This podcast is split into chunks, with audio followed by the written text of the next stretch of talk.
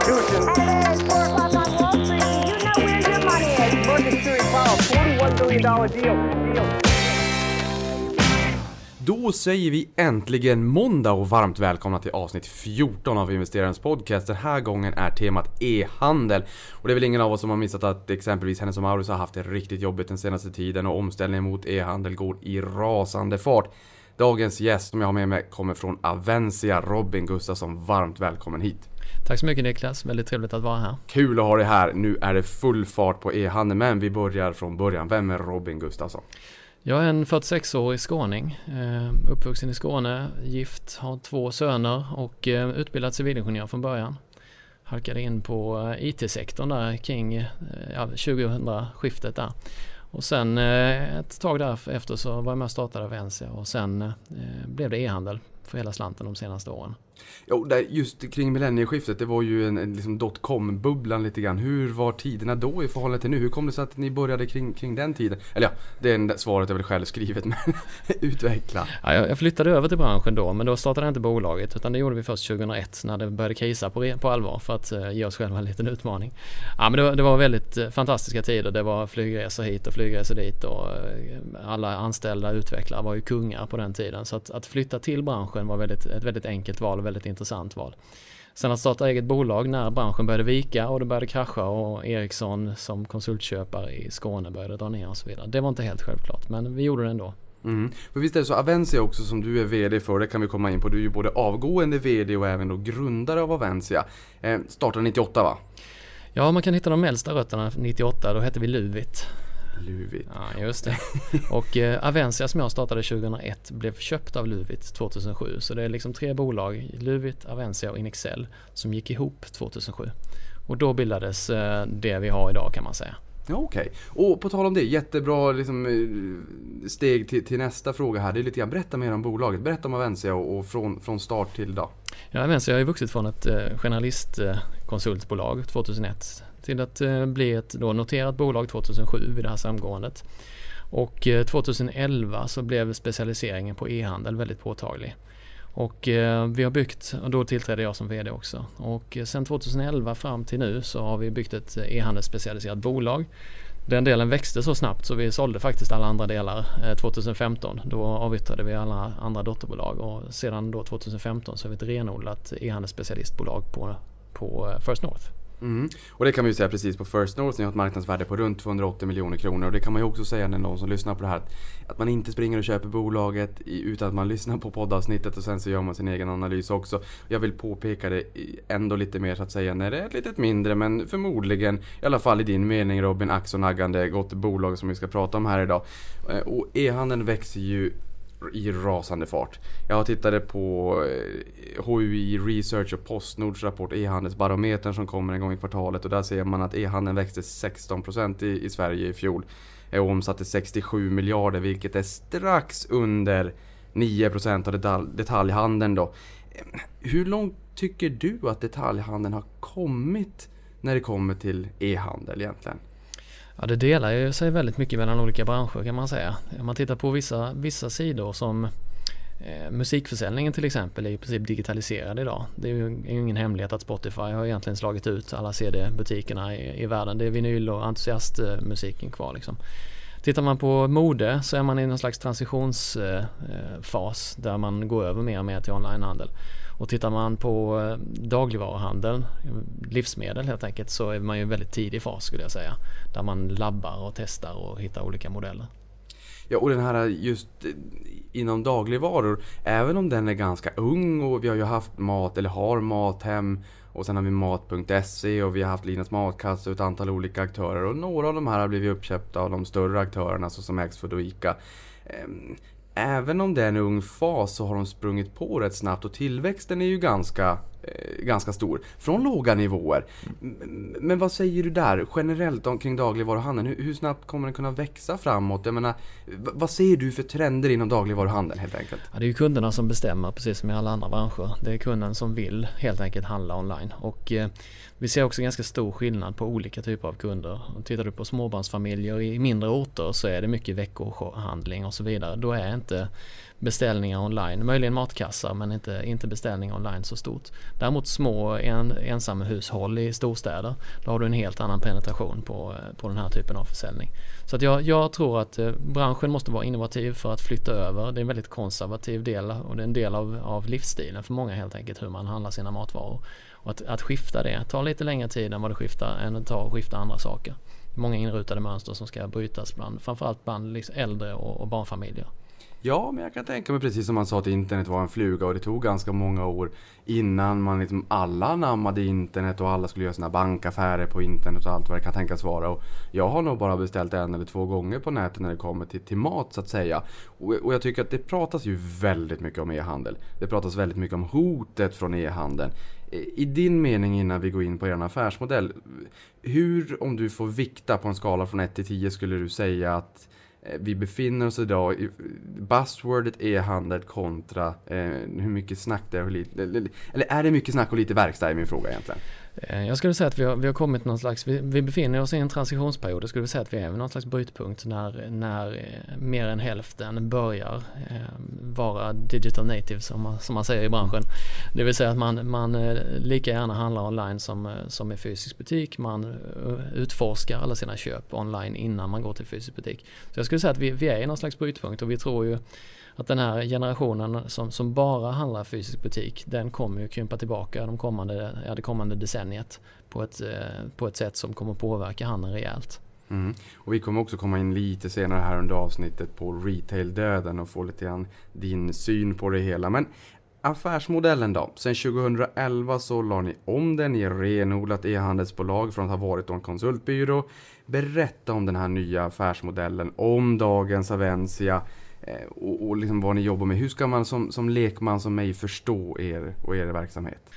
Vi har två affärsmodeller igen kan man, i ett bolag kan man säga. Den ena affärsmodellen är att vi säljer helhetslösningar till medelstora, stora skandinaviska bolag som säljer framförallt butikskedjor och B2B-företag. Och då, då, bygger vi helt enkelt hela webblösningen, hela e-handeln åt dem. Kopplar den i backen till affärssystem, lagersystem etc. för att kunna leverera ut varorna. Och det är egentligen en mjukvaru och konsultintensiv verksamhet. Sen har vi en annan affärsmodell som eh, bygger på att vi paketerar en del av vår kunskap i en produkt som vi säljer framförallt då eh, via partners utanför Sverige. Och den har ju då fått penetration över hela världen. Den affärsmodellen är lite annorlunda. Det är mindre belopp per eh, kund så att säga, betydligt mindre. Men potential då till en betydligt högre bruttomarginal på det vi säljer. Och tittar man, eh, nästa fråga misstänker jag att eh, hur stor är den ena jämfört med den andra Niklas? Jajamensan, du måste vara synsk. Just det. Så är det ju så att vi, vi brukar inte avslöja det men man kan ju ge som en ledtråd att IFRS som vi redovisar enligt hade tvingat oss att segmentsredovisa Storefront och den här produktsidan om den var över 10% för då hade den varit en väsentlig del av verksamheten enligt IFRS standard. Så med andra ord så är ju produktsidan är ju liten jämfört med eh, den andra helhetslösningarna. Just det, för som jag förstår det också, just det här Storefront som vi kommer komma in på, som är den här paketerade produkten, så är det väl i runda slängar 10 personer. Nu tror jag att det kanske var 2016 års årsredovisning jag var in på, för ni har ju inte släppt redovisningen för 2018 än, om än bokslutet hur ser det ut idag? Hur många är det som jobbar på Storefront? Och nu får vi inte prata för mycket Storefront för vi kommer snart komma in på vad det är för någonting. Just det. Ja men det, det, är en, det är en liten grupp och jag säger fortfarande att det är ett tiotal. Det har inte vuxit jättemycket utan vi satsar mycket på försäljning, marknadsföring. Vi har liksom tiltar över verksamheten från eh, produktutveckling, en tidig produktutvecklingsfas till mer försäljningsfaser och eh, partner supportfas. Mm. Och, och, när jag satt hemma på min kammare då och försökte förstå Avencia så insåg jag att ni dels består av intäktsmixen då, långa konsultuppdrag. Mm. Där ni lånar ut kollegor till företag på, på ganska, ganska många år som jag förstår det. Ja, hela team faktiskt. Hela team faktiskt. Hur många anställda är ni? Vi är 140 anställda vid årsskiftet och har sysselsätter ytterligare ungefär 50 eh, konsulter från andra bolag. Dels i Filippinerna och ett 20-tal och sen 30 skandinaviska konsulter också. Och hur många skulle du säga då är utlånade? För nu fick vi att det var ett 10-tal här på Storefront. Hur många som är utlånade till kund? Ja, vad kan det vara? 100 då ungefär. Oj! Som, eh, som sitter i kundprojekt helt enkelt. De, de sitter i våra lokaler och arbetar. Så vi tar hem arbetet, jobbar i egna team och tar, över, tar liksom hand om eh, e-handelssajten i vår regi. Så vi har väldigt långa eh, förhållanden med kunderna på det sättet. Så vi sitter inte ute hos kunden inbäddade i någon slags e-handelsteam utan det är egna team, egna ansvar. Ja men det tycker jag ändå låter som att det låter ju bra att man har personalen hemma och att man får lära sig av varandra best practice och får liksom behålla kunskapen inne i bolaget. För det är kanske också så att man tappar anställda annars till de här bolagen som, som personalen är utlånad till. Så kan det vara. Det är också viktigt att man tar ett, ett eh, funktionsansvar. Att man inte bara levererar timmar så att säga, utan man tar ett funktionsansvar så att man, kunden känner att om, om, vi, om vi skulle börja arbeta med ett annat bolag så mister vi mycket av det här ansvaret som Avanza har tagit genom åren. Och den, den är väldigt viktig för den lång, eh, långsiktiga relationen. Ja, och förutom de eh, kollegorna då som är utlånade till kunder men som ändå sitter hos er på Avanza på kontoret eh, så är ni också återförsäljare av ledande produkter på marknaden. Vad betyder det? Det innebär i praktiken att vi, vi säljer säg, fyra olika produkter som, som vi säljer i princip i varje projekt. Och naturligtvis så, så har vi ett samarbete då med eh, dessa leverantörer och vi, vi, vi har en intäkt från det vi säljer eh, och de hjälper oss också i försäljningen. Det, det är inte helt ovanligt att en e-handelskund väljer en plattform först. Vi vill jobba med Episerver då som vi arbetar väldigt mycket med. Eh, och sen frågar man Episerver vem är lämpad att göra det här uppdraget. Och då får vi leads och eh, prospektering, eh, hjälp med det helt enkelt i försäljningsfasen. Och det där kommer vi nog komma in på lite grann också, eller vi, vi tar det nu tycker jag. Episerver, det vill jag komma ihåg att de försökte ta sig in på börsen här för ett gäng år sedan. Um, ni pratar mycket om, om, Microsoft Dynamics och även Episerver. Mm. Vart kommer de in? Utgår nu från att man, det är någon som lyssnar på det här som inte har en aning om vad Microsoft Dynamics eller Episerver är för någonting. Vart är de i, i er mm. värdekedja? Så att säga? Om man tar lekmannavarianten så Dynamics är ju ett system där du håller reda på vilka produkter och varor du har och vad du, hur mycket du har i lagret och så vidare. Så det är liksom förutsättningen för att du ska ha koll på dina produkter, på sortimentet och på, på lagret. Ovanpå det så behöver du någonting som frontar kunden, någonting som är vackert och tilltalande och mm. säljande och så vidare. Och där kommer Episerver in som en, som en frontend lösning. Som har en, en logik för att lägga upp en varukorg, har logik för att skapa sidor, att eh, hantera webbsajten på ett snyggt och enkelt sätt helt enkelt. Så om Episerver är webbfronten så är Dynamics backenden som håller reda på lagret och, och varorna. Och de två behöver kopplas ihop naturligtvis. Du kan ju inte sälja varor i fronten utan att ha koll på hur mycket som finns i lagret. Så det är väl lekmannavarianten. Och de två då, backend och frontend. Mm. Eh, vad, vad, gör, vad gör ni? Så sminkar ni helheten och, och hur, hur, vad gör ni? Vi kopplar ihop dem, vi konfigurerar dem. Vi eh, lägger väldigt mycket tid på att designa och eh, förbättra frontenden så att den passar kunden. Precis på samma sätt som när du kommer in i en fysisk butik så två butiker är aldrig lika. Går du in i två, en Kjell Company butik och en Intersport-butik så ser de ganska olika ut. Och och den designen, den tanken har man ju även i en onlinebutik. Även om man försöker få mycket gemensamma nämnare för att kunden inte ska bli förvirrad. Så har man saker, egna element som man vill lyfta in.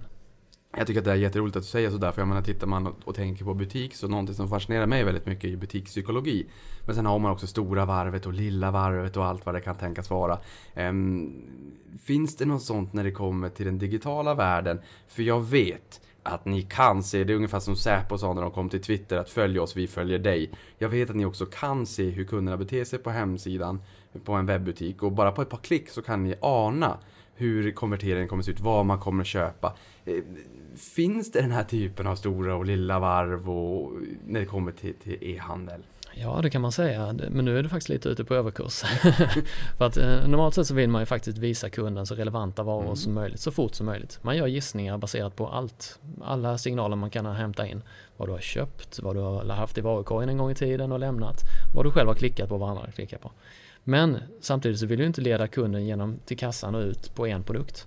Utan du vill ju faktiskt skapa det stora varvet och, och, skapa intresse för flera produkter. Så man måste vara lagom intelligent i sin gissning. Vilken produkt ska man visa för att maximera försäljningen? Inte bara för att få den produkten i korgen. Men det är, det är definitivt en del av logiken i en, i en modern e-handelssida.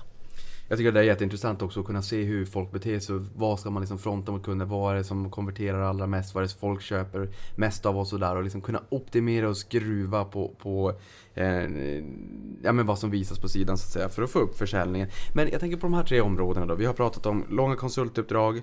Eh, återförsäljare av ledande produkter på marknaden och sen så egenutvecklade system på licens, storefront som vi kommer komma in på. Eh, du får svara på det om du kan svara på det. Vad, vilket område är mest lönsamt och eh, vilket område växer snabbast? Ja, det som är mest lönsamt just nu är ju helhetslösningarna för att produkterna är i sin linda fortfarande. Eh, det, det får man säga. Det som växer snabbast i, i procentuella tal är definitivt produktsidan. Men eh, i absoluta tal är ju eh, helhetssidan mycket större. Så att den, eh, den växer ju mer i, räknat i miljoner omsättning också. Lite bread and butter får man säga. Ja, jo men det är det. Men en väldigt eh, hälsosamt tillväxt på den sidan också kan man säga. Och jag gillar också att du pratade om eh, de här in, exempelvis Intersport och eh, tidigare exempel, för det är ju kunder som ni har också. Eh, som ni har hjälpt och vi kommer komma in på det lite grann kanske hur man ser att det är Avencia som har hjälpt kunder när man är ute på nätet och surfar. Men vad kostar ett nytt projekt då? Säg att det kommer en kund som vill ha lite hjälp när det kommer till e-handelslösningen. Vad kostar det för er? Hur mycket kod kan ni återanvända kontra hur mycket får ni sitta och försöka differentiera den här koden så att säga för kunden för att de vill ha någonting annat som ingen annan har och sådär? Ja, spannet är ju ganska stort. Vi har ju sett eh, vi lanserade ju en sajt med Storefront som tog eh, två månader för ett ganska litet team att göra och då, då handlade det ju om eh, ja, kanske en miljon i det fallet. Att, investering för att optimera för att förbättra för just den kundens specifika behov. Och sen tittar man på de lite större så kanske det rör sig om 10 miljoner. Och då, då, det säger ju sig själv att då pratar vi om lite större butiker, lite större kedjor som har mer att vinna på de här optimeringarna. Så vill man gå in på lite enklare lösningar, eh, kanske precis startade sin e-handel så är det kanske inte Avensia man väljer utan det är ofta lite mer etablerade kedjor och butiker som vi jobbar med.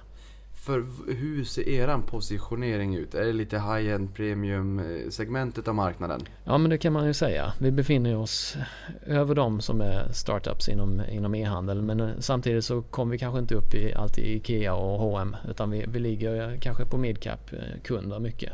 Det är vår sweet spot kan man säga.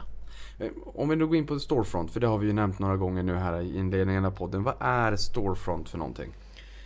Ja men det är helt enkelt en paketering runt Episerver där vi egentligen har anpassat Episerver och kopplat till, till Microsoft Dynamics. Så vi har valt ett specifikt affärssystem och så har vi kopplat Episerver till det och så har vi byggt en paketering kring det. Det det är Storefront i sin linda och det gör ju att man, när, om man har det här affärssystemet och vill ha en e-handel så har vi en väldigt färdig paketering som man kan lyfta in på ett enkelt sätt ganska snabbt. Och hur ser den geografiska mixen ut där? För du sa att eh, Skandinavien, Sverige, Norge mm. eh, och sen globalt så teamar ni upp med partners. Hur, vart säljer ni Storefront? Det är egentligen globalt, överallt där Microsoft finns, Dynamics finns. Så att eh, om man tittar på var vi har kunder idag så är det ju på, på väldigt många marknader. Eh, Kanada, USA, Tyskland, Nya Zeeland, Australien, Kina, eller Hongkong i alla fall.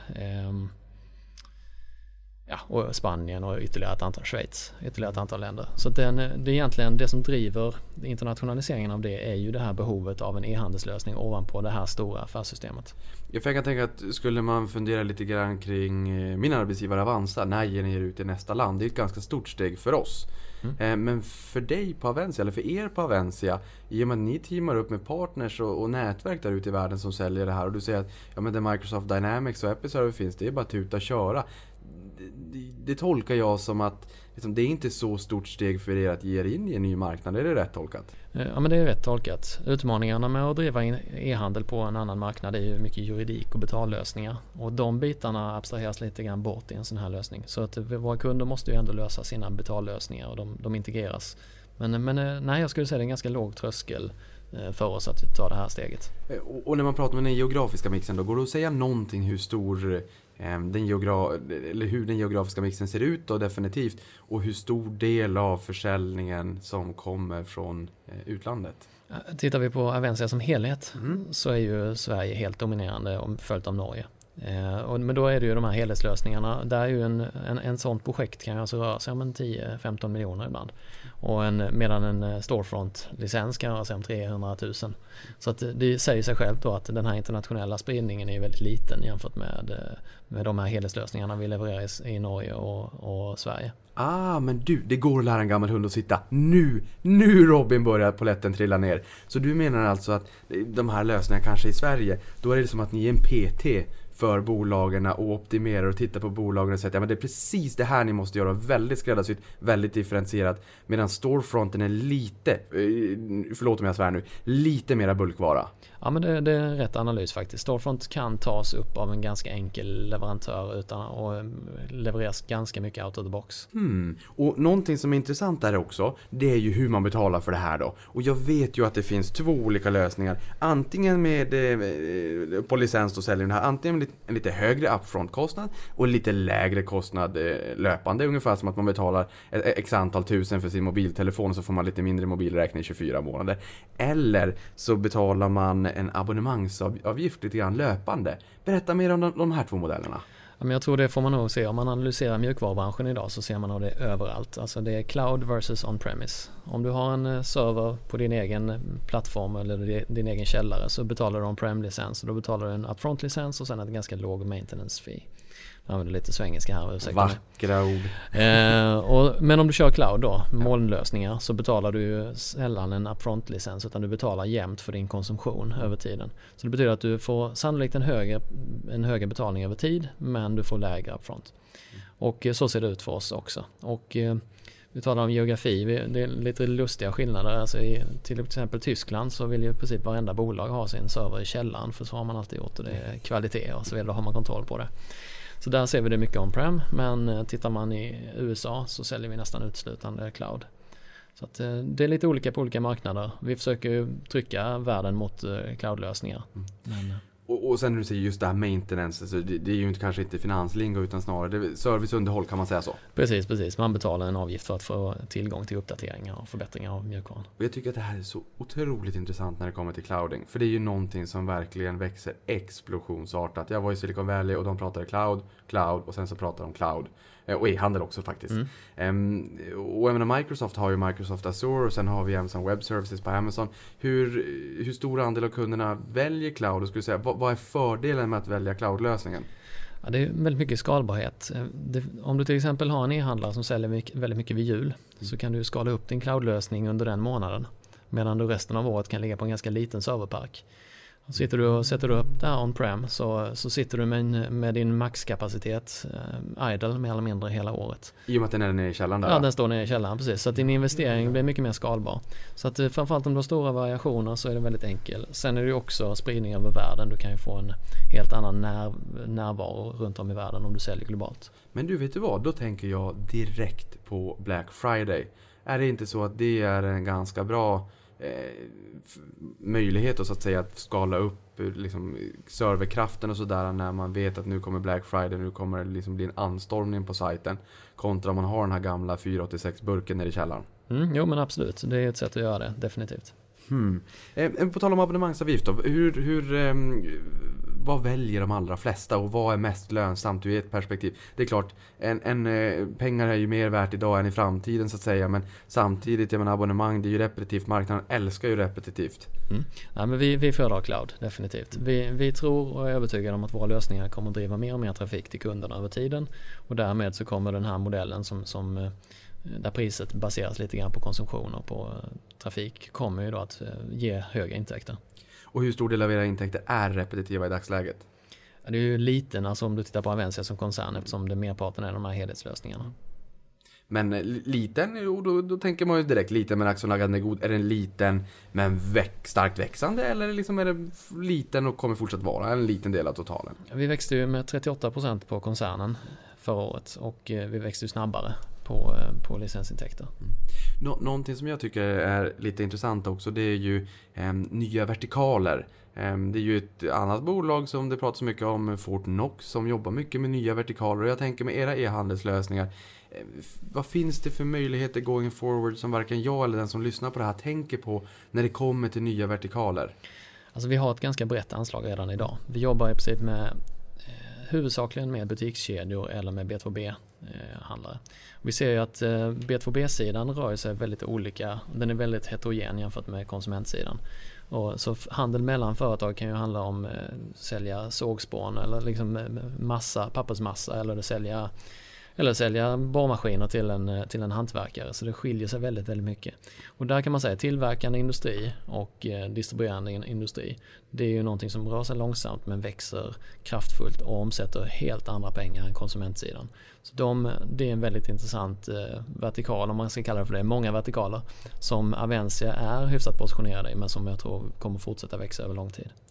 Och kan man säga någonting om, om fördelningen business to business kontra business to consumer i, i, eh, bland era kunder? Ja, det brukar pendla kring 50-50 faktiskt. Okej. Så att det, det är redan stort. Ja, men om jag förstår det rätt då, det, det, hade man fått välja alldeles fritt så bus- business to business är ju lite mera innehåll, lite mer naggande gott, lite mera lönsamhet. Det är generellt sett lite lönsammare skulle jag säga och business to consumer ger å andra sidan bra marknadsföring. Det är lättare att prata om de varumärkena när man står i en podd till exempel. Ja, för det tänker jag ju lite mer enklare att säga. Och om de inte är lika krävande, kan det vara ungefär som att Axfood har ganska låg, mar- låg marginal men de liksom snurrar varorna som en torktumlare? Kan det vara så att business to consumer är lite enklare projekt, går lite snabbare, lite lägre lönsamhet men liksom många bäckar små? Nej, det, det skulle jag nog inte säga faktiskt. De har ganska höga krav. De, de är ju utsatta väldigt hårt konkurrensmässigt så att det, det är väl så tufft i konsument som i B2B. Går det att säga någonting om intäkten per kund då? Och hur den har växt de senare åren? Ja, vi har ju några rätt så stora kunder som Ahlsell till exempel och Coop Norge. Och de, de har ju stått för en stor del av vår omsättning men vi, vi lägger till fler och fler kunder i samma storleksordning. Så där sitter ju team på kanske 15-20 personer som jobbar löpande åt de här eh, med vidareutveckling och optimering av deras eh, webbsajter. Och mer försäljning? Och mer försäljning, absolut. Och eh, en del av de här bolagen gör ju till exempel förvärv också. Och varje förvärv ska integreras och, och nya sortiment ska läggas in och så vidare. Så det, det, det drivs, eh, utvecklingen drivs både av en intern klocka från, hos bolagen och av en extern klocka. Vad är det man behöver göra för att parera konkurrensen? Men du, det där är ju jättebra. För om du då har en kund som gör ett förvärv eh, och där man ska implementera det i sin egna verksamhet. Hur kommer Avencia in där och hur mycket extra arbete blir det för er mellan tummen och pekfingret? Ja, men det, det blir ju ett projekt, helt klart. Så där får vi lägga några månader på att eh, integrera det här. Om, beroende lite på hur förberett systemet är. För, förberedd kunden är egentligen för att eh, hantera en ny, en ny kund eller ett nytt förvärv. Så det, det är lite olika, både vad man köper in och hur man såg ut innan, innan förvärvet. Det är ju jättebra att räntorna är låga för det borde ju liksom för att ma aktiviteten eller, liksom, eller, eller förvärv kan man väl säga kanske borde kunna vara lite högre än vad den är idag med tanke på att det är någorlunda billigt så att säga att, att eh, tillskaffa sig kapital. Ja. Och det gynnar Avencia. Ja, men det skulle jag säga, absolut. 2016, ehm, i och med att det var den senaste publicerade årsredovisningen, så växte era marknadsandelar inom e-handelssystem på den skandinaviska marknaden. Hur, eh, hur stor är den adresserbara marknaden? Och skulle du kunna säga någonting om vad du tror er marknadsandel är på den, på den marknaden? Ja, alltså man kan ganska lätt sträcka marknaden uppåt och neråt så att säga i mindre spelare och större spelare. Så det är lite svårt att, att eh, ringa in vad marknaden är. Av, av, de- av, de, kunderna kan man säga som verkligen sitter mitt i prick på oss så kanske vi har 25% eller något liknande. Men eh, vi skulle mycket väl kunna tänja oss lite uppåt och då öppnar sig en mycket, mycket större marknad. Vi skulle kunna tänja oss lite, lite grann neråt också. Eh, den marknaden tycker vi inte är lika attraktiv men eh, där finns en, eh, mycket volym också. Mm. Du pratade här tidigare också om att ni kanske inte riktigt riktar in er på startups utan mera midcap-bolag. Och då tänker jag liksom att det kanske är någon som eh, ligger i soffan, tittar på Netflix, äter lite godis, är lite plufsig, borde gå på gymmet, borde träna, borde få en PT. Och då tänker jag mig här att ni borde kunna komma in med era know-how och, och era insights och säga att aha, ni har den här verksamheten, men vet ni vad? Om ni bara hade optimerat det på det här och det här sättet, då hade ni kunnat få upp konverteringarna betydligt mycket mer. Hur, hur mycket går det att göra liksom på en sån här plufsig sekund som ligger i soffan och tittar på TV och ni känner att herregud, kan vi aven- avensifiera det här så kommer det se ut så här istället? Ja, men vi, vi har en, en eh, rådgivningsavdelning som helt enkelt jobbar med den typen av, av kunder som behöver förändra sin affärsmodell eller behöver eh, optimera sin e-handel. Eh, både online och kanske även omnikanal. Eh, hur man ska sälja mer i alla kanaler. Och det, de här rådgivarna kan faktiskt hjälpa dem att, att lyfta sig ganska rejält. Och det blir ofta kanske insteget till ett plattformsbyte eller något liknande i ett senare skede. Men inte alltid. Ibland är vi bara rådgivare också. Och rådgivardelen borde ändå vara en någorlunda lönsam del också ju. Ja men absolut. absolut. Hmm, du har nämnt lite olika bolag här i inledningen. Ni arbetar med kunder som Clas Ohlson, Ahlsell, Lyko, CDON, Kjell Company, Intersport, Mekonomen, Byggmax. Vi känner ju igen allihop. Ehm, varför valde de här Avencia och hur ser en typisk kund ut egentligen? Förutom att det är ett midcap-bolag och som kan skala upp och liksom optimera lite grann. Ja men typiskt för nästan alla de här du nämnde är att de har butiker, de har ett butiksled men de, och de behöver en onlineavdelning. Och de eh, har ofta kanske inte riktigt kulturen av IT-bolag själva utan de vill gärna lägga ut det här arbetet på någon. Det är svårt att rekrytera folk till den här delen av sektorn och det är eh, också kräver ganska högt fokus. Så man, man väljer att vara inköpare av det här systemet istället för att bygga det själva och även inköpare av rådgivning. Så det, det, är väl ganska typiskt att, att de är butikskedjor som har just den utmaningen. Är det rena, rena e-handelsbolag? Eh, vi har några få. Naked, Lyko var också rent e-handel innan de, eh, innan de nu blev, business, eller blev eh, omnikanalaktörer. Eh, de, de här bolagen de eh, väljer oss och de, eh, de behöver liksom lite mer komplicerade saker än, än vad en ren e-handlare behöver. En ren e-handlare har lite enklare behov och det är också väldigt mycket core business att utveckla det här internt. Så de, de har en tendens att göra det själva. Sen har vi även de här B2B-företagen som också har en stor eh, avancerad och, och, befintlig verksamhet som de behöver skruva ut på nätet online. Och där kan vi hjälpa dem också. Så det skulle man kunna säga det är de två stora kundgrupperna som vi adresserar. Mm. Ehm, och bara för att nu gå in det här med omnikanal, det är ju verkligen ett buzzword. Ehm, vi börjar med, vad är omnikanal för någonting? Ja, det är egentligen är det ju att eh, man, man bemöter ju kunder i olika kanaler så säger handlarna. Och en kanal kan vara att man möter dem i en butik, man möter dem i ett eh, telefonsamtal till kundtjänst, man möter dem online i en eh, e-handel. Så det är olika kanaler. Omnikanal är ju egentligen visionen att sy ihop de här. Att få dem att eh, framstå som ett och samma företag, att ha samma information, samma servicenivå i alla kanaler. Det är väl omnikanalvisionen. För jag kan tycka att det pratas väldigt mycket om omnikanal, inte minst när det kommer till Hennes och Maurits. Vi kommer att komma in på det lite senare för jag vill ha ett litet gott råd ifrån dig vad Hennes och Maurits borde göra. Ödmjukt så att säga, men om det hade varit ett mindre bolag lite grann man ska tänka på. För många pratar ju om omnikanal. Jag menar jag här för någon tid sedan beställde lite kläder på MQ. Sattes av finska Kappman på börsen 2011 eller 2012 eller något sånt där. Och då tänkte jag faktiskt på dig, eh, eller på MQ igår när jag tänkte på dig Robin. För att jag beställde någonting på nätet och sen så gick jag till butiken för att hämta ut det här. Det var gratis frakt då när man beställde till butiken. Men där stod jag i butiken och väntade 10-15 minuter innan de hade insett hur man knappade ut det här och bockade av att jag hade hämtat ut det. Och jag blir inte arg utan jag, liksom, jag låter det ta sin tid. Jag förstår liksom att det är nytt och allt vad det kan tänkas vara. Men jag tänker ju ändå att det här är ju inte optimerat. Och jag kan ju ana vad du tycker om det när du hör det. Mm, ja, nej det är verkligen inte moget. Och det, så där ser det ju tyvärr ut i stora delar av branschen skulle jag säga. Alltså man börjar ta de trevande stegen, man har, får lite tekniska lösningar på plats men hela flödet är inte riktigt kundtillvänt. Så jag håller med dig, där, det måste förbättras över linjen. Och det där är ju också jätteintressant, för jag menar, det där är ju enorma möjligheter i sådana fall. Hur, nu säger du att man börjar ta sina första trevande steg. Hur hög är omnipenetrationen där ute och hur mycket liksom skulle kunna tänkas göras framåt? För jag förstår ju att det är jätteviktigt att det kunder, det ska ju liksom inte spela någon roll i vilken kanal man handlar, vart man hämtar ut det, vart man lämnar tillbaka det, utan det ska ju bara funka. Det är ju ett och samma bolag tycker man ju. Jag tycker det är eftersatt, definitivt. Ehm, Posten gör ju en, en, en mätning av det här och man ser ju framsteg, men jag tycker det finns mycket mycket kvar att göra. Och det, idag så lämnar man helt enkelt ut paketen på eh, uthämtningsställen i stor utsträckning. Och det betyder att man ger all upsell och all crosssell till ICA eller till Coop eller var man nu utlämningsstället ligger. Istället för att få in kunden i sin egen butik och använda sitt butiksnät och göra mer försäljning till kunden i butiken. Smart poäng. Där har jag nog inte riktigt tänkt på just det här, eller ja, men nu när du säger det, att man då går till ICA och då handlar man ju kanske någonting i alla fall och behöver man inte handla, då handlar man lite grann i alla fall kanske just för att man är där. Just det.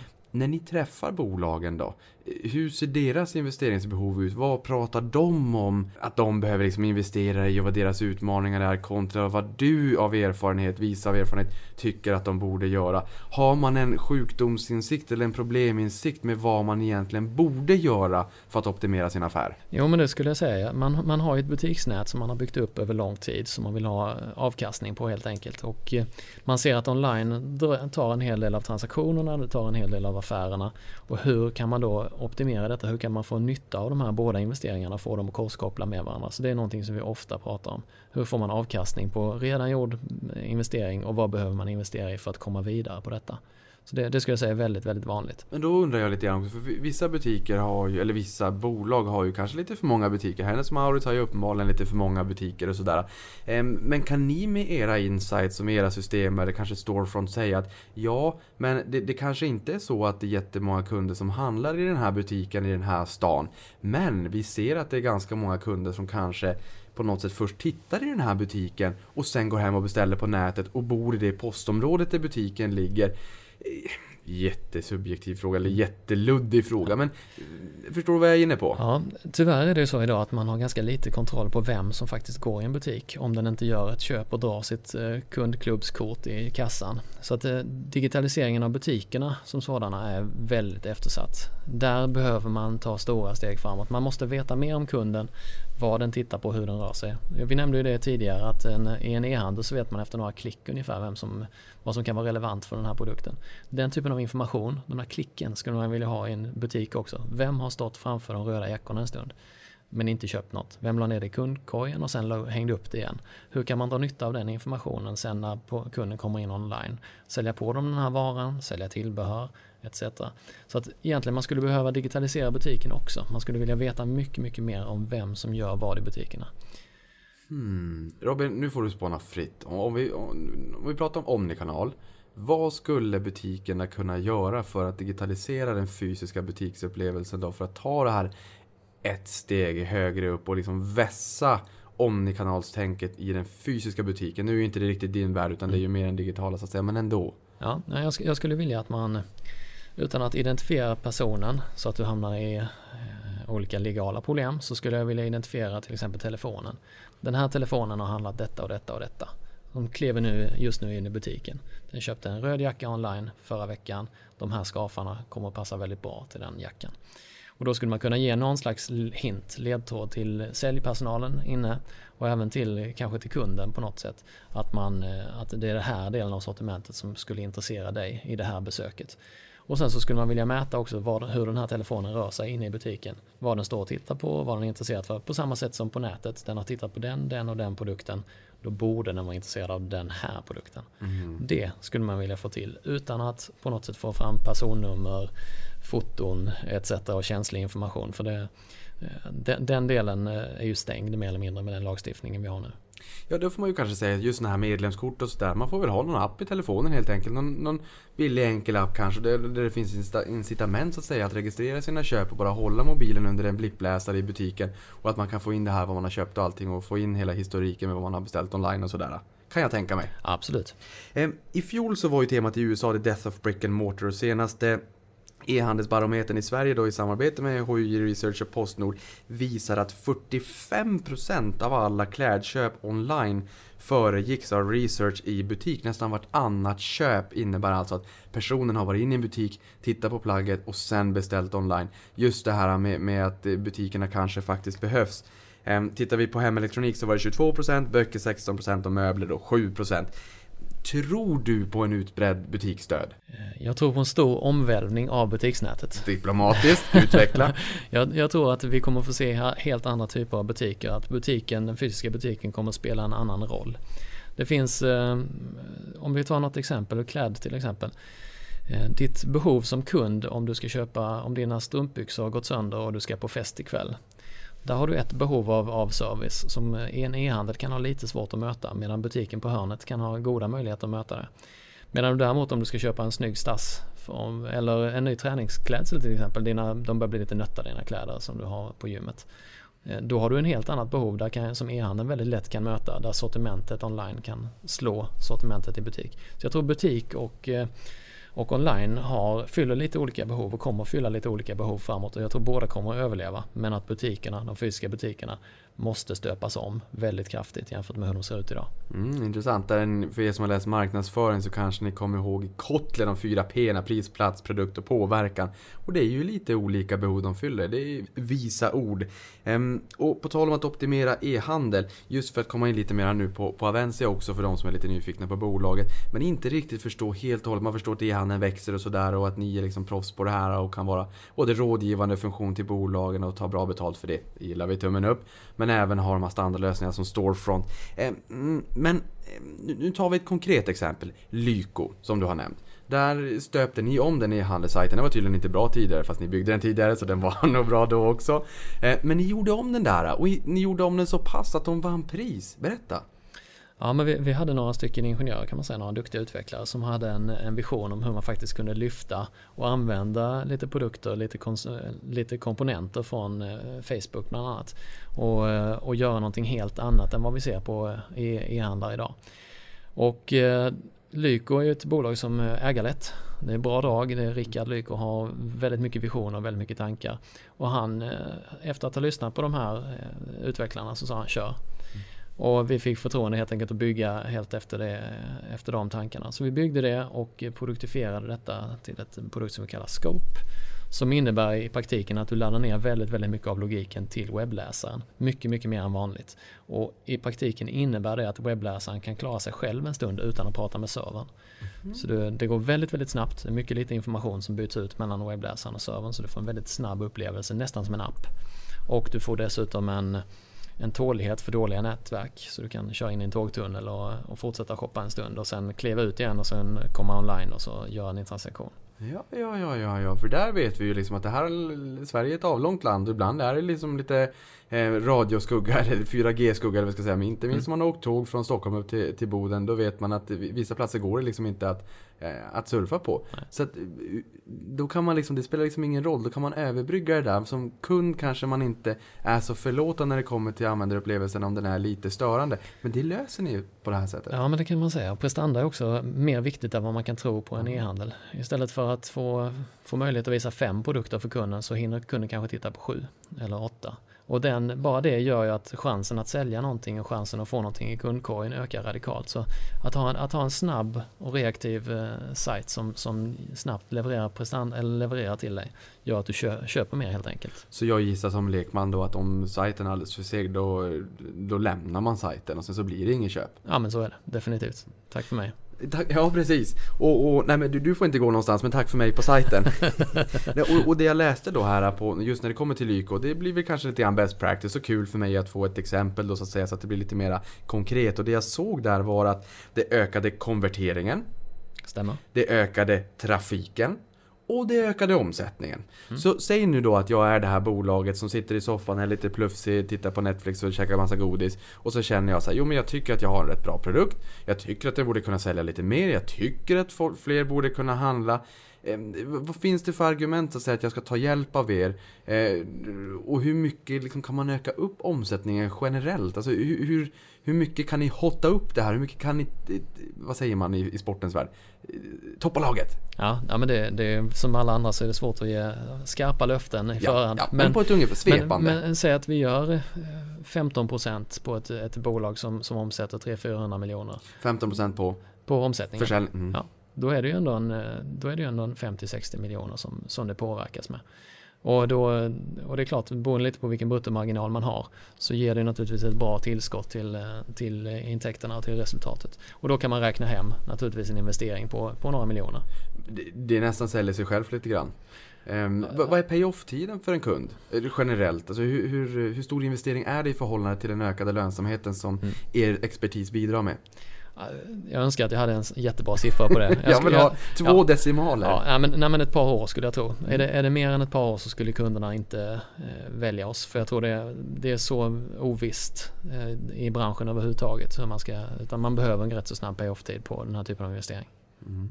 Och på den globala marknaden, om vi då ger oss ut utanför Sverige, så har eh, Avencia Storefront eh, positionerats som standardlösning för e-handel baserat det här på det affärssystemet Microsoft Dynamics. Samtidigt som ni då teamat upp med Episervice som vi har pratat om. Ehm, hur ser den här intäktsfördelningen ut? Hur stor del av kakan måste ni ge ifrån er till de här två parterna? Eh, typiskt 25% ungefär, alltså där någonstans. Per styck? Eh, nej, nej, nej, totalt. Så, att, så att vi behåller det mesta. Det tycker jag låter alldeles bra. Ja. Det tycker nog säkert de som lyssnar på det här också. Um, men den här införsäljningen då, för att ni teamar upp med partners utanför Sverige. Mm. Men ni tycker att, det, att USA är lite intressant. Mm. För nu öppnar ni upp kontor i Chicago. Just det. Vad, hur, vad ser ni på framtiden där och varför har ni tagit det beslutet? Ja, men vi ser att den marknaden växer och vi ser att vi gör affärer där redan. Så vi, vi känner att produkten är beprövad på marknaden. Det finns en, finns en efterfrågan. Och, eh, men vi är övertygade om att med vår hjälp och med vår expertis så kan vi stötta våra partners att faktiskt sälja ännu mer. Så tanken är naturligtvis att utvidga och utveckla det partnernätverk vi redan har i Nordamerika. Mm. Och eh, en annan grej som jag tänker på lite grann också. Vi pratade om det här när man går in på hemsidan, stora och lilla varvet, när man pratar fysisk butik. Ni kan liksom identifiera efter en liten stund vad kunden mest troligt kommer konvertera och köpa. Eh, baserat dels på kundens beteende på sajten efter en liten, liten stund. Eh, och dels eh, baserat på historiska kunder också på sajten. Ehm, jag brukar säga att typiskt bolag som Amazon är databönder. Data är ju, content is king men data is king. Om det är så att man kan omsätta datan och göra insights av det och liksom driva affären genom att försöka förstå kunderna på ett bättre sätt genom att titta på datan. Vem äger den här datan? Är det kunden eller kan ni på något sätt använda den här för att bli ännu eh, bättre framåt med kunder i samma liknande segment kanske? Mm. Nej, men, nej men kunderna äger sin data. Det, det går inte att komma ifrån i, i vårt fall. Och det är ju, framförallt när det gäller persondata så är det nästan omöjligt idag att eh, vi kan vara en processor, vi kan inte vara ägare av, av persondata. Så att det, så fort det blir lite personkänsligt så måste kunderna äga det, det vill säga handlarna.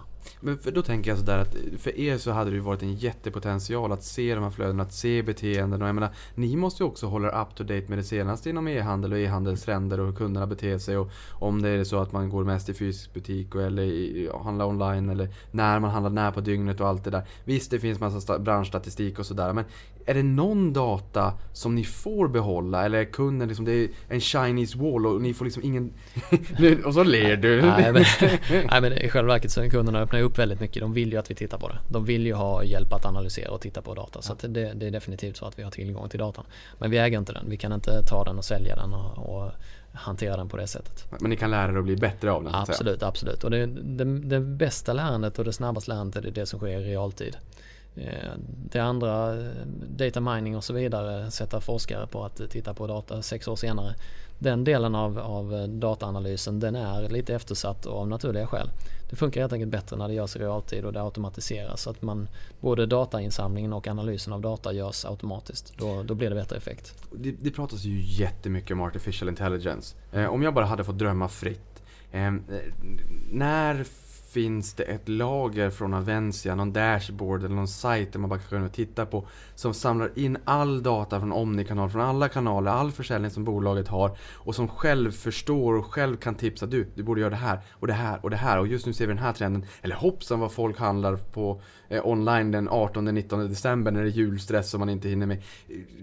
Går det liksom att lägga på ett eh, artificiellt lager på affären för att kunna få bättre insights och förståelse för sin affär. Hur långt bort är det? Finns det idag eller hur långt bort är det? Nej men det går definitivt. Det går att eh, centralisera viss data så länge den är anonymiserad. Så det, det går och det görs till viss del. Men eh, det, det, är en bit kvar innan vi kan, eh, innan vi kan använda det på så full skala. En, en annan intressant del av AI som du inte nämnde det är ju egentligen hur man kan lära det egna bolaget och gå hela vägen tillbaka till inköp.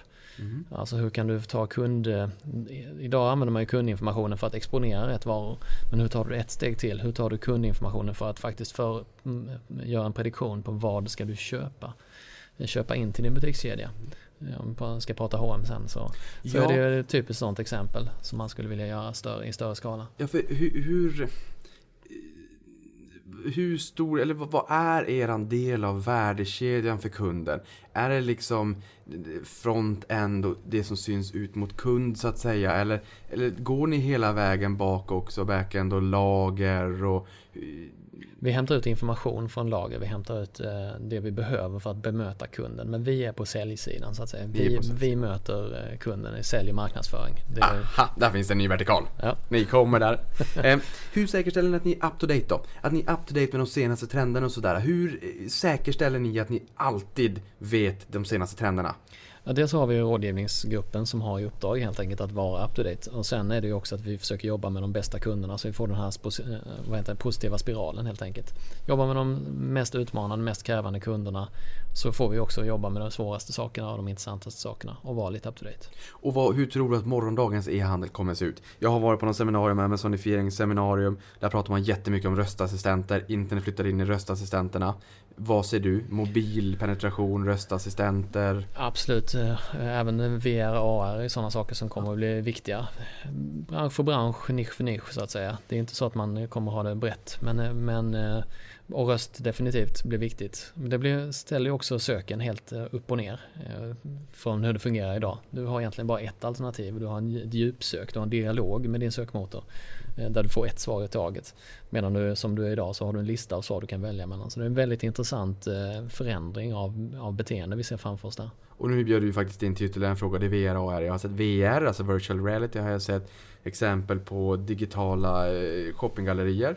Mm. Ehm, och när det kommer till AR, ja då vet vi, eller augmented reality eller förstärkt verklighet och så att säga, då har vi ju sett när Apple och Ikea har teamat ihop sig och du bara håller upp eh, mobilen, eller kameran i mobilen så att säga i ett rum. Och sen kan du placera Ikea-möbler i det här rummet och se exakt med rätta proportioner hur det kommer se ut. Och tycker att det ser bra ut så klickar du på köp. Just det. Eh, Vart, hur många sitter på Avensia och funderar kring hur kan vi kapitalisera kring trenderna framåt för AR, VR? Det är, det är i sin linda men ändå. Ja, det är en liten grupp. Nu har vi har några stycken som jobbar med detta, kanske tre, fyra personer. Vi har haft, ett, eh, haft lite labb kring detta och vi har gjort lite saker tillsammans med kunderna. Men jag skulle inte säga att det är jättestort idag på Avencia. Men, Skulle du säga att det är mycket snack och lite verkstad generellt i branschen? Att det inte är jag, jag tror alla, alla, alla är nyfikna, alla förstår lite grann potentialen men vi är inte riktigt där ännu. Robin, hotet från Amazon. Mm. Amazon att lägga sin försäljning på Amazons plattform kontra att hotta upp sin egen plattform. Vad säger du där? Jag tror det kommer bli naturligt för alla att eh, egentligen lägga sig och eh, om Amazon etablerar sig på allvar i Skandinavien så tror jag det blir naturligt för alla egentligen att, att sälja delar av sitt sortiment. Framförallt om du äger varumärken så vill du ha dem på Amazon. Eh, jag är engagerad i Coolstuff som du vet på, som Spiltan äger. Och de labbar ju nu med att lägga ut produkter på, med sina egna varumärken då på Amazon och få en ytterligare försäljningskanal. Och jag tror det är helt naturligt att man kommer att vilja göra det på det sättet. Just det, eh, investmentbolaget AB Spiltan, jätteintressant. Jag är aktieägare i det bolaget också. Du sitter i styrelsen, de var nyfikna på din kompetens när det kommer till e-handel. Vad bidrar du med där? Styrelsen Cool Stuff eh, kan man väl lägga till, inte Spiltan. Nej, precis, styr, styrelsen i Cool Stuff som Ja, är ett innehav i, i Jo men då, precis, de, de är ju ett bolag som, som har startat från eh, scratch och eh, byggt det själva, allting kan man säga. Och de har väldigt stora, goda kunskaper inom vissa områden men kände kanske att man behöver eh, spetsa till sig lite grann inom, på systemsidan och hur man jobbar med sin e-handel.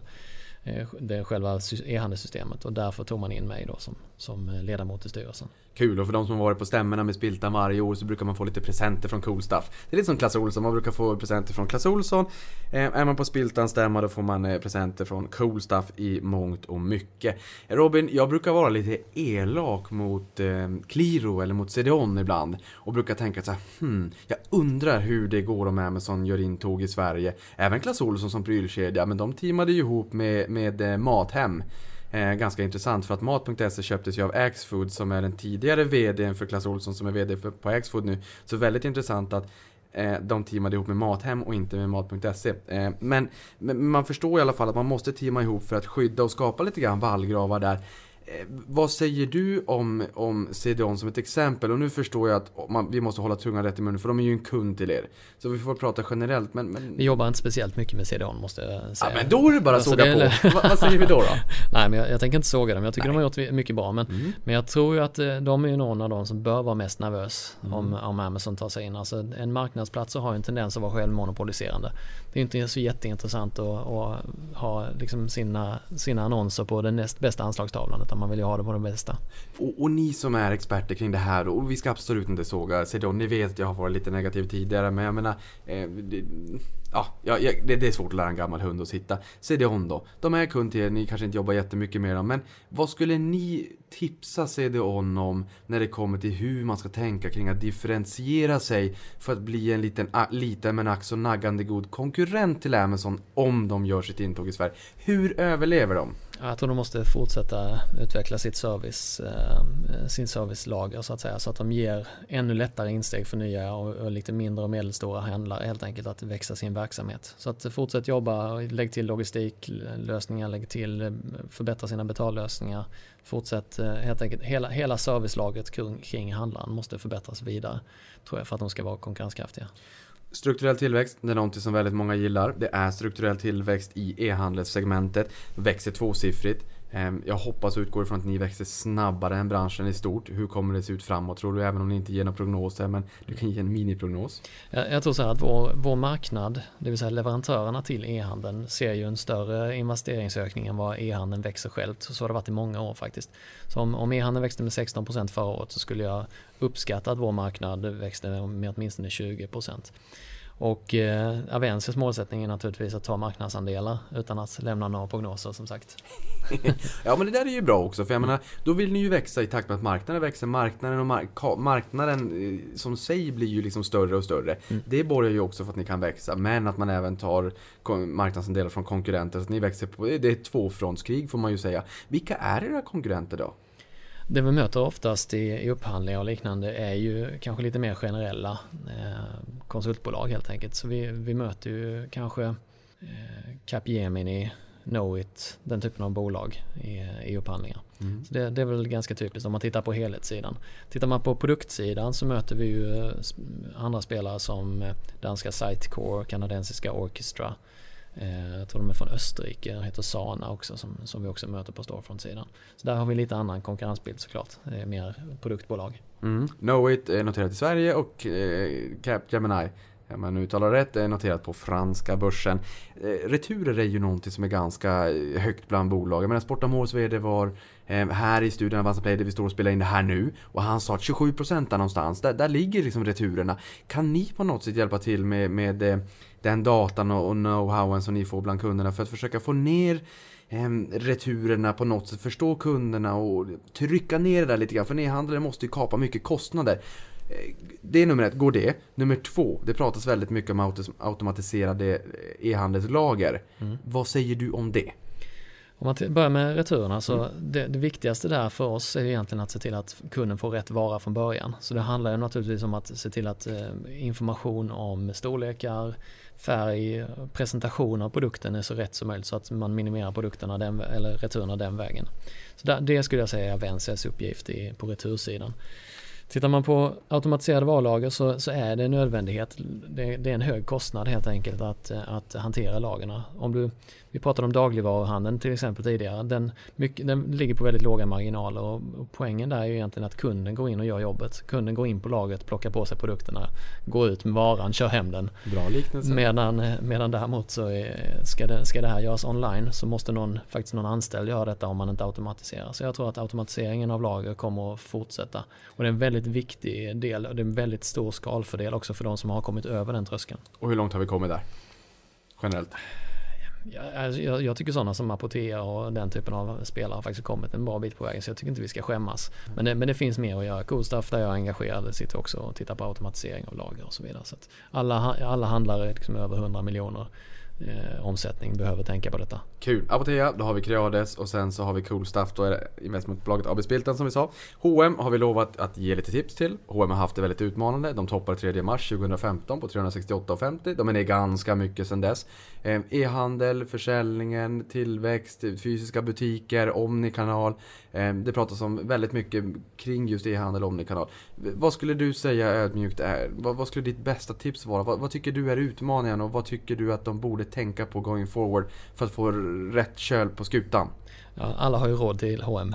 Nej men där, där, ja, där, ja, där har vi ja, mjukt, Absolut, ja. ja men, men eh, tittar man på, eh, jag tycker det är två saker som slår en. Dels är det butiksnätet och dels är det lite grann marknadsföringen och marknads, eh, hur, hur den planen ser ut idag. Tittar man på hur man gjorde historiskt så köpte man in produkterna från Asien. Sen marknadsförde man dem under de två månaderna de låg i produktion eller låg på fartyg. Och sen när de kom fram så var de relevanta, de var heta på marknaden och man kunde lätt sälja dem. Och de kanalerna man använde för marknadsföringen då var ju kanske modemagasin eh, och den typen av och, och tv-reklam, olika typer av reklammaterial.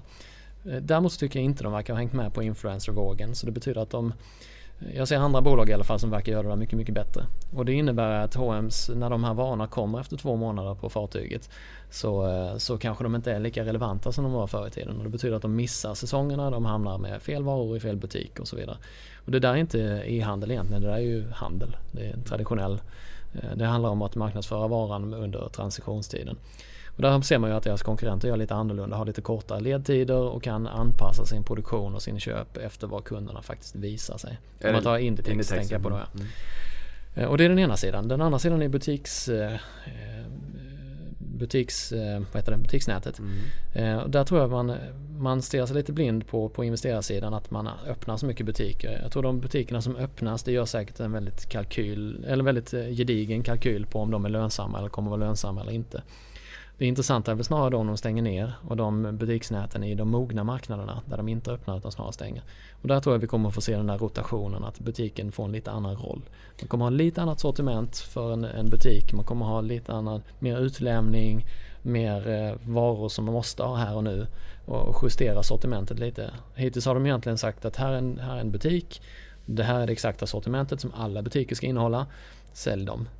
Eh, och det, det, tror jag inte funkar längre. Jag tror man måste helt enkelt stö, stuva om och det kommer betyda att man måste ändra lokationer, man måste ändra distans mellan butikerna, man måste ändra sortimentet i butikerna.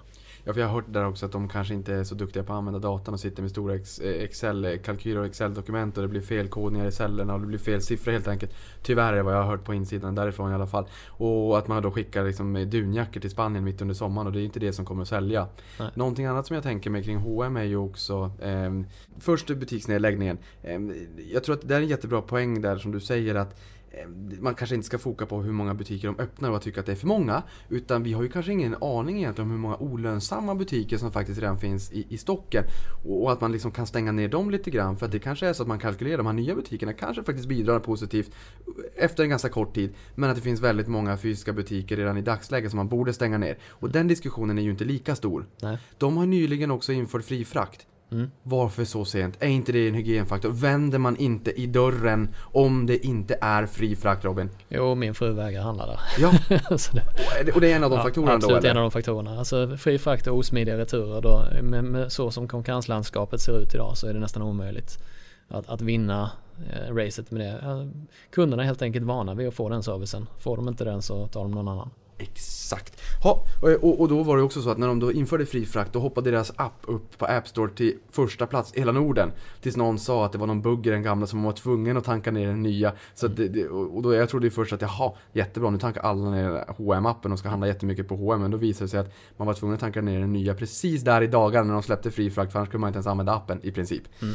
Mm, H&M, det där var lite konspiratoriskt. Nåväl, eh, under 2017 så steg omsättningen 38% till 168 miljoner. Rörelsemarginalen landade på 5,1%.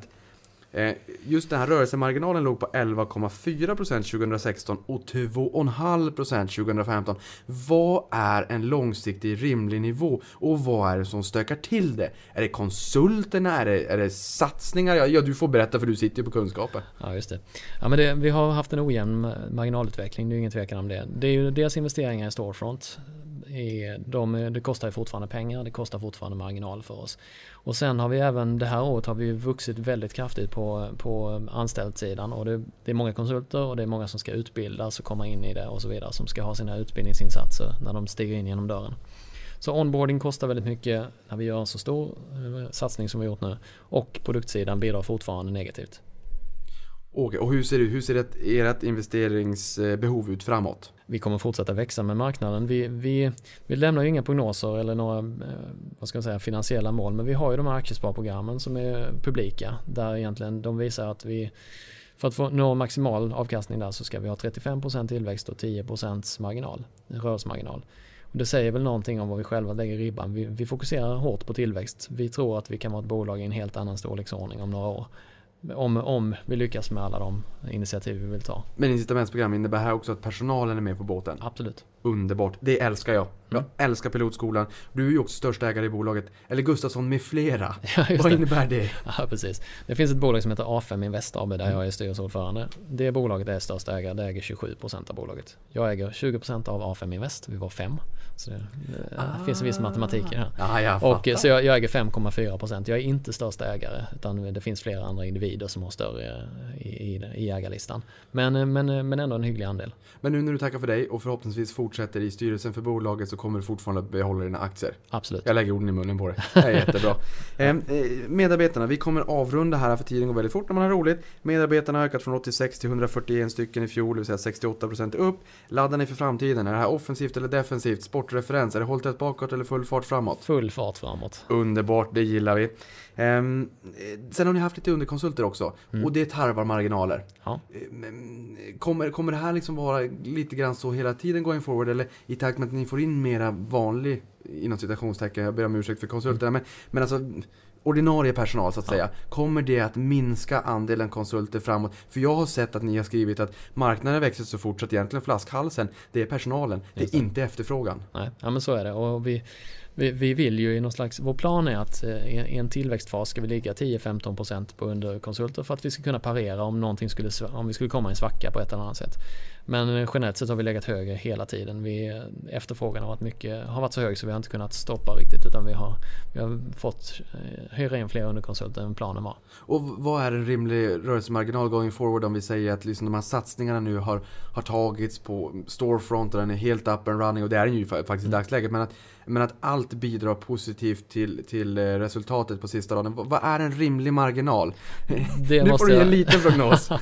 Nej tyvärr kan jag inte det. Utan men det måste jag konkurrenterna. lämna till, eh, ja tittar man på eh, ja, konkurrenterna. nu fick jag, in, nu fick Ja, jag igång Robin här. Ja, ja, ja, precis. Nej, men tittar man på, på andra konsultbolag, HiQ och, och Knowit och så vidare, Ja. så konsultsidan ska ju eh, i de bolagen bidra till en rörelsemarginal på en 10% plus.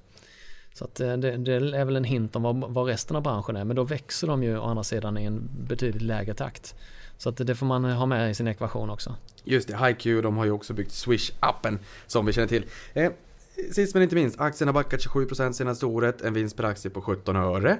Den var, det ger ju ett P-tal på 47. Mm. Eh, det har vi lärt oss, det är ganska högt. Jämför vi med 2016 så, så är eh, P-talet 25,8. Men förväntat 2018, vill säga innevarande år och 2019 och nästa år är 16,5 gånger respektive 10 gånger Eh, vinsten nästa år. Och det är ju snarare aptitligt får man ju säga. Eh, vi får ju inte någon rekommendation här och det gör jag inte heller, men, men liksom generellt så att säga. Och då fattar man ju, aha, det är ju vinsttillväxt här alltså, som vi ser då helt enkelt. Eh, samtidigt som ni höjde utdelningen 20%. Vad är viktigast för investerarna? Vinsttillväxten going forward. Vad kommer driva vinsttillväxten? Och vad är viktigast när du träffar investerare? Vad ställer de för frågor? Vad vill de se för att det här ska bli en bra investering från idag going forward? De ställer exakt samma frågor som du skulle Aha. jag säga. Det, det är marginalen som man vill veta. Vad, vad är en normal marginal för Avensia? Hur snabbt kommer det att växa och eh, hur stort är produktinnehållet framåt? Och det är väl de tre parametrarna som vi på något sätt måste bli duktigare på att belysa också och eh, kommunicera med marknaden. Det kan man säga. Vi har gått från ett ganska litet bolag till att bli ett medelstort bolag. Till förhoppningsvis i, någon, i något läge vara ett stort bolag och då tror jag vi måste spetsa till vår kommunikation utåt också. Och det här är den avslutande frågan nu Robin. Vart är Avencia om fem år?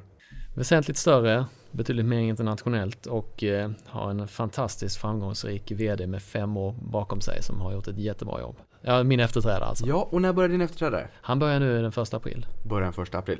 Är du, du, du är ju kvar i styrelsen så att säga förhoppningsvis. Det är väl klart att du blir kvar där, det är ju inga konstigt, inga, inga intriger där så att säga. Men blir det liksom någon liten överlämning eller tackar du för dig redan i kaffekön när han, när han kommer in? Ja, det blir en överlämning självklart. Han Ja. har redan börjat lite. Han har redan börjat lite, det låter alldeles underbart. Robin, stort tack för att du kom hit och gjorde oss lite klokare när det kommer till e-handel och lärde oss ännu mer om Avencia. Stort tack! Tack så mycket.